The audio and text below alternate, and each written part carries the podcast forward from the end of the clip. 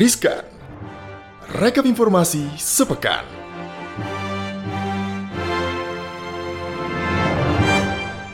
Halo Sobat Cuan, balik lagi bareng gua Daniel Wiguna dan hari ini gua nggak sama Putra tapi sama Safira. Kenapa? Karena kita nggak di segmen paham ya, kita di segmennya riskan, Riskan. rekap informasi Sepekan. sepekan. Aduh, dengerin suara Safira sih Enggak, kayak enggak, enggak, udah udah. ya udah deh Saf. Lu aja yang baca berita pertama deh. Ada apa nih Saf yang pertama nih? Iya, yang pertama nih ada IHSG cetak rekor tertinggi dalam 4 Mm-mm. tahun terakhir. Nah, ini indeks harga saham gabungan pada perdagangan Kamis 11 November ini berhasil menembus rekor all time high yang sempat menembus di level 6.700. Nah, kalangan analis ini mengatakan eh, Daniel Mhm. Kenaikan ini diperkirakan akan bisa berlanjut juga hingga akhir tahun nanti dengan prediksi ditutup di tahun 2021 indeks bisa mencapai level tertingginya di 6850. Mhm. Nah, ini senior analis PT Henan Putih Rai Sekuritas ini Liza Kamelia mengatakan sentimen perekonomian dari dalam negeri ini akan menjadi pendorong penggerak, pergerakan indeks di jelang akhir tahun ini. Nah, dia memprediksi level indeks hingga tutup 2021 bisa berada di kisaran 6.750 sampai 6.850. Nah, terus di sisi lain sentimen global dari Amerika Serikat ini menimbulkan juga kekhawatiran naiknya suku bunga acuan di di negara tersebut. Dan sentimen dari Amerika lainnya yang perlu dipantau nih Daniel Mhm. terkait kebijakan lainnya yang masih berkaitan dengan tapering the Fed. Nah, dari dalam negeri sendiri balik Mhm. lagi gitu ya sejumlah penawaran umum saham eh, perdana gitu IPO baik dari BUMN dan swasta ini yang masih ramai di akhir tahun nih masih juga jadi eh, pendorong pergerakan indeks tersebut gitu Nah, dan ini menurut lo ya. gimana nih Uh-uh. kalau misalkan lihat sentimen-sentimen ini? Gue sih optimis ya. Ini soalnya dibilangnya 6.850 loh ya. Mhm, Dan kita juga lihat IHSG ini berhasil eh, nyentuh udah berhasil nyentuh ya 6.700. Berarti emang udah terbuka banget nih peluang untuk indeks kita terbang Mhm. lebih tinggi. Tinggal kita lihat nanti di akhir tahun kan biasa Mhm. ada window dressing tuh ya. Iya. Biasa IHSG itu pasti ditutup di eh, zona hijau tuh di Desember. Tapi apakah bener nih bakal sampai ke 6850 apa enggak? Karena kalau kita lihat ini emang banyak ya Hmm. eh, perusahaan-perusahaan baik BUMN Iya. maupun swasta Hmm, yang hmm, hmm. IPO gitu Lagi ya. mau ngelakuin aksi-aksi Nah, korporasi bener, juga ya. uh-uh. Dan ini juga tentunya eh, berdampak sama kenaikan daripada Hmm. indeks harga saham gabungan gitu Iya. pastinya ya, Saf. Nah, yang berita yang kedua ini Hmm. nggak kalah menarik karena udah sah nih akhirnya ya. Hmm. Kominfo restui operator seluler Indosat dan Tri merger akhirnya Wah, gitu gila. ya setelah penantian ya. pang ya setelah penantian yang panjang nih. Karena Kementerian Komunikasi dan Informatika ini memberikan eh, udah memberikan restu Hmm. atas rencana mergernya PT Indosat, TBK dan PT Hutchinson. Perusahaan Hmm. hasil merger ini akan bernama PT Indosat Uridu Hutchinson TBK atau disingkat IOH gitu ya. Iyo. Oke, lucu namanya tapi yang perlu kita perhatikan ini Hmm. adalah kinerjanya nanti seperti apa. Karena Betul. digadang-gadang ini ya dari hasil eval eh, dari hasil evaluasi Hmm. hasil merger ini dibilang akan menjadi perusahaan telekomunikasi terbesar kedua di Indonesia Setelah yang diperkirakan pendapatan per tahunnya mencapai 3 miliar dolar Amerika Serikat setelah Telkomsel. Iya. Iya. nggak apa-apa kan dia sebut. Nggak apa-apa. Ini kan kita harus menunjukkan peta persaingannya gitu kan ya. Betul, Jadi ada ya. gambaran. Nah, dan juga kalau kita lihat Hmm. ada rekomendasi untuk menyetujui eh, penggabungan dengan tetap memperhatikan prinsip perlindungan konsumen dan juga menjaga iklim persaingan yang sehat. Dan juga dikatakan dalam proses merger ini Kominfo memberikan syarat di antaranya penambahan set layanan hingga 2025 sesuai dengan jumlah desa dan kelurahan yang belum terlayani dan pengambilan pita frekuensi radio 5 MHz kepada negara di mana proses pengembaliannya dalam waktu satu tahun. Nah, perusahaan gabungan nantinya akan tetap terdaftar di Bursa Efek Indonesia. Ini yang penting nih, Saf. Hmm, hmm. Dengan Benar-benar. pemerintah uh, untuk sobat cuan ini penting nih. Dengan pemerintah Indonesia memiliki 9,6% saham, PT 3 Telekomunikasi Indonesia memiliki 10,8% saham dan pemegang saham publik lainnya memiliki kira-kira 14% saham gitu ya. Menarik untuk kita lihat ke depannya nanti tentunya eh, efeknya kepada masing-masing emiten akan seperti apa gitu ya. Karena kan Indosat ini juga udah terdaftar gitu ya di Bursa Efek Indonesia. Betul. Nah, yang berita ketiga nih selanjutnya Mhm. Daniel tadi kita ngomongin ada beberapa aksi-aksi eh, IPO IPO Mhm. nih eh, sapi juga ada yang mau IPO nih. Waduh, Sapi mau IPO gue Ini baru jangan denger nih. kelewat nih ada IPO Jumbo tuh, Oke, grup oke. Cimori. Oh Yogurt Cimori. ya.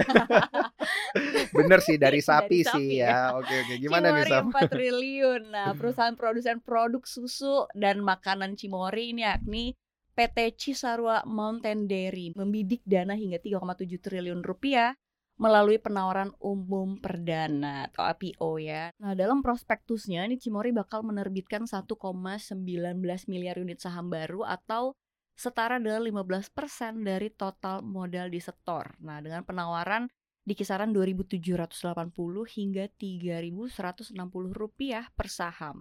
Dengan begitu, Cimori berpotensi meraih dana segar ini sebesar 3,3 hingga 3,7 triliun rupiah melalui IPO. Nah, jadwal book building saham Cimori juga sudah berlangsung sebenarnya nih ya, mulai dari 10 hingga 17 November 2021. Berarti udah nih ya. Udah udah book building. Udah, ya. Udah ngantri belum? Nah, ngantri antara ngantri susu Cimorinya atau ngantri beli sahamnya Iya, gitu ya. Nah, sementara itu Daniel Cimori juga berencana akan menggunakan dana hasil IPO ini untuk belanja modal atau capex ya. Nah, serta menyuntik dua anak usahanya yakni PT Makro Prima Pangan Utama serta PT Makrosenta Niaga Boga. Nah, berdasarkan laporan keuangan perusahaan yang terbit bersama prospektus IPO hingga semester pertama tahun ini, pendapatan Cimori itu sebesar 1,58 triliun rupiah. Pendapatan tersebut meningkat ya 115 persen dari periode yang sama tahun lalu yang hanya mencapai 735,38 miliar rupiah. Dan laba Cimori hingga Juni 2021 ini juga melambung hingga 798 persen menjadi 364,48 miliar rupiah dari periode yang sama tahun lalu ini hanya sebesar 40,56 miliar rupiah. Ini Hmm. menurut lo uh, Gila perlu sih. dilirik nggak sih? Perlu banget Serius? dilirik. Iya, karena ini kan walaupun kita lihat nih Hmm. di sektor konsumer kan banyak pesaing-pesaingnya yang Hmm, lagi tertekan ya Hmm. emang ya sektor Iya. konsumer. Tapi kalau kita lihat eh, dari sisi pertumbuhan laba dan juga kinerja fundamental Iya. ini masih di tengah-tengah nih Hmm. antara misal kita lihat kan ada Ultra Jaya tuh ya Iya, yang hmm, hmm. emiten yang ya kayak lu bilang tadi yang ada sapinya menghasilkan susu Iya. gitu ya. Itu ada Ultra Jaya. Kemudian banyak emiten-emiten lain Hmm. kayak Mayora misalnya. Hmm. Nah, itu yang kinerja fundamentalnya eh, udah di atas juga gitu Hmm. ya. Nah, kalau kita lihat dari nilai buku si Cimori ini ada di tengah-tengah. Jadi Hmm. sebenarnya potensial growth-nya dia itu masih gede gitu. Hmm. Maka para sobat cuan perlu melirik nih. Kalau bisa akumulasi gitu ya. Oh, tapi kalau analis. ini kita baru berandai-andai gitu ya, bukannya Mhm. mendahului ya. Mm-mm. Jadi kalau misalkan kalau dilihat dari range harga segitu Mm-mm. gitu, terus lo harus book building lo mau di harga Mm-mm. berapa? Kalau gue dari 2700 b- tapi banyak yang bilang sih 2700 itu udah mahal. Iya Nah, jadi kalau kan? orang mau beli, Heeh. belinya itu adalah potensi pengembangan ke depannya. Oh. Ya oke lah ya investasi Mm-mm, namanya ya. mm-mm. Ya kalau gue sih berharap ya ada mental emak-emak juga kalau bisa 2700 lah ya. Nah, harga ya. yang paling iya, harga yang paling rendah justru kalau Iya. bisa waktu book building gitu ya di Mhm. 2700-an. Nah, ini Hmm. menarik banget untuk eh, selain kita lirik Cimori tadi ya, Mhm, Saf, mhm. ini juga ada informasi menarik dari OJK nih yang perlu diperhatikan oleh sobat cuan.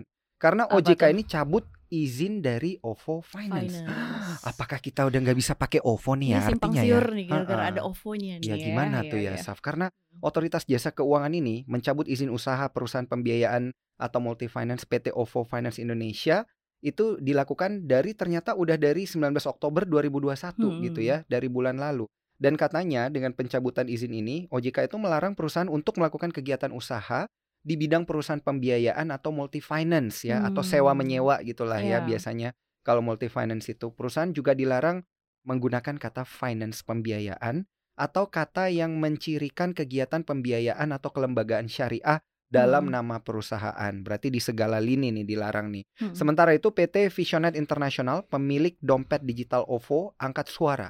Head of Public Relation OVO, Harumi Supit mengatakan OVO Finance Indonesia atau OVI Hmm. adalah perusahaan multi finance yang tidak ada kaitan sama sekali dan tidak pernah menjadi bagian dari kelompok perusahaan Ya. uang elektronik OVO yang mendapatkan izin resmi dari Bank Indonesia. Indonesia. Jadi kesimpulannya adalah nggak perlu panik nggak guys perlu ya. panik ya. Duit kalian di dompet Iya. digital OVO masih aman, masih bisa dapat diskon-diskonan gitu ya Betul. kalau dipakai buat belanja gitu. PR yang sempet panik nih. Panik PR. ya karena ada kemiripan nama nih kayak Bener. toko sebelah nanti yang udah Iya. di yang tuntut di, udah ya di eh, eh, ke mohon maaf. pengadilan nih mau dibawa ke Iya. pengadilan nih. Waduh gitu. gimana? Nanti kayaknya kita bakal ngomong tentang itu ya, Saf ya. Udah aja kak. kali. Udah ya? Oh, udah ya? Oh my god. Jangan Ketinggalan gue ya. berarti. Kalau gitu gue harus dengerin ya dan sobat Cuan juga harus dengerin ya. Kita juga udah bahas loh Goto. go to dan go Iya. to gitu ya. Itu Goto. di di segmen waktu itu di koneksi, Di koneksi. ya. Safira lagi jangan-jangan yang ngomong. Betul. Oh iya ya oke. Pantesan tahu ya di segmen Betul. koneksi ya. Oke. Selanjutnya ada informasi apa nih? Di eh, berita terakhir, Mm-mm. Daniel nih ada Bio Farma ajukan harga baru regen tes PCR di harga 89.100. Turun Mm-mm. lagi nggak tuh? Turun lagi 89.000. Terakhir Mm-mm. berapa? 200 275. Ini 275 tes ya. PCR yang ini kan, yang serius itu kan, Iya, yang, yang iya. 20 kali 24 Ya, jam semuanya kan? serius kali. Eh Iya iya iya. enggak, enggak. Ini yang 24 jam atau pilihan tiga Iya, hari yang gitu 24 kan maksudnya. jam atau yang Mm-mm. 15 menit gitu Iya, kan. iya, iya. Iya, 89.100. Nah, jadi PT Bio Farma tengah mengajukan harga baru regen tes PCR menjadi 89.100. 100-nya tanggung ya. Nanggung Gue ada banget. jiwa emak-emak Biasanya kalau kita belanja di Indomaret gitu ya ditanyain Mau di- seratusnya mau disumbangin nggak? Gitu. Iya ya silakan. Oke. Ini ini eh, harga 89.100 ini sudah termasuk PPN pada Heeh. e-katalog Lembaga Kebijakan Pengadaan Barang atau Jasa Pemerintah atau LKPP. Nah, dalam rapat Komisi 6 DPR RI, Direktur Utama Bio Farma nih si Pak Hanasti Bashir Mm-mm. membeberkan perhitungan struktur harga tes PCR. Ini membeberkan terus kalau misalkan kayak eh, perusahaan-perusahaan lain yang menyediakan juga tuh gimana tuh ya? Iya, gimana ya kan? Ha, bener Ini bener mau bener. cari muka tuh ya. Ush, jadi gosip Eh, ya, enggak, jadi enggak, gosip, enggak, gosip, gosip. Enggak, enggak, enggak, enggak, aku bercanda. Oke, oke.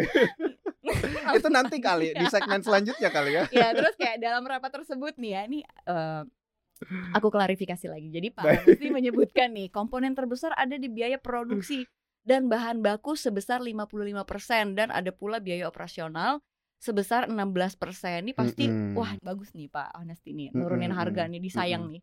Iya, Nah, iya, terus iya. Pak Hanesti juga mengatakan nih, adapun Bener harga sih. regen yang berlaku saat ini masih di angka Rp193.000 termasuk PPN Oke. sejak Februari 2021. Nah, Hanesti menambahkan juga nih pengajuan harga baru tersebut diharapkan dapat menekan biaya produksi lalu menyusul penetapan harga eceran tertinggi tes PCR di pasaran yang dipatok sebesar Rp275.000 hingga Rp300.000 rupiah Mhm. gitu. Dan harapannya pasti juga didukung kali ya sama masyarakat tuh sangat didukung Iya ya. sih. gitu Pokoknya ya. kalau harga murah gue dukung deh. Iya, bener. Gue, juga. Iya. heeh.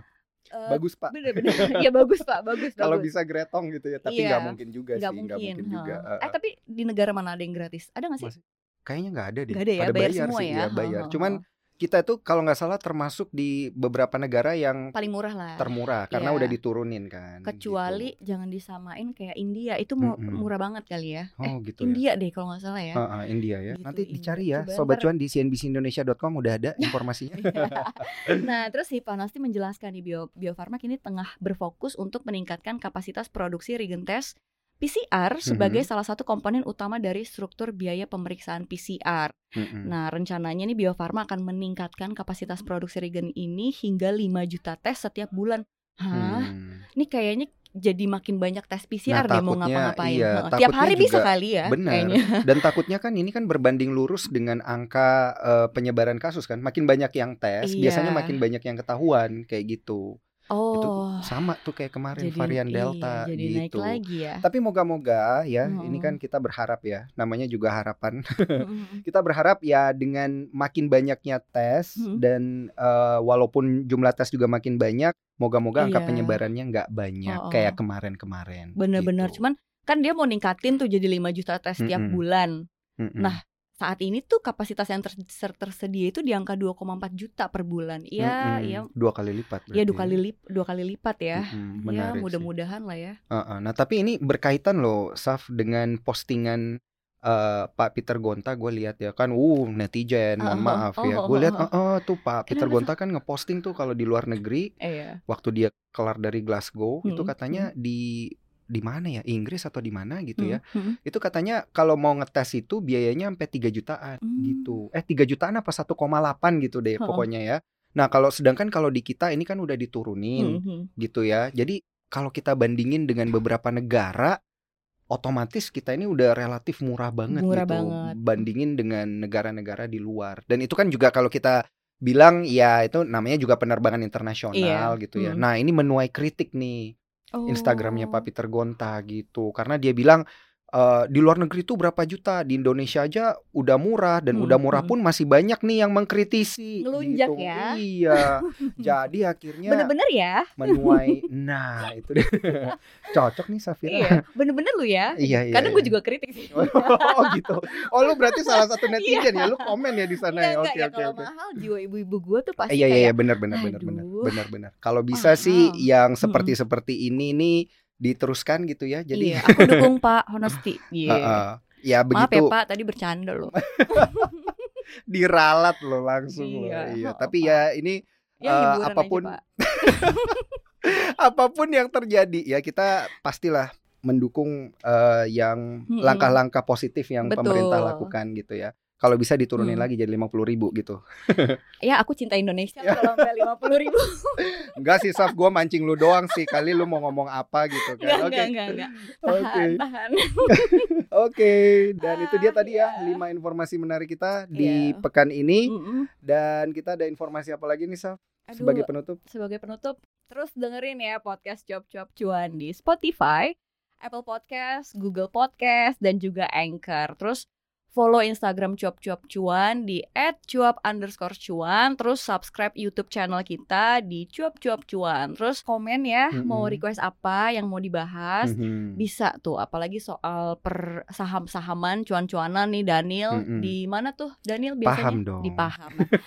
gue belum kebagian paham nih, karena Iya, itu senior senior isinya tuh. Oh enggak. Oh, kalau lu request boleh sih. Ntar tunggu aja. Iya. Siap. Ya udah. Oke, kalau pamit. gitu gue Daniel Wiguna juga pamit undur diri. Sampai jumpa di segmen selanjutnya. Bye. Bye.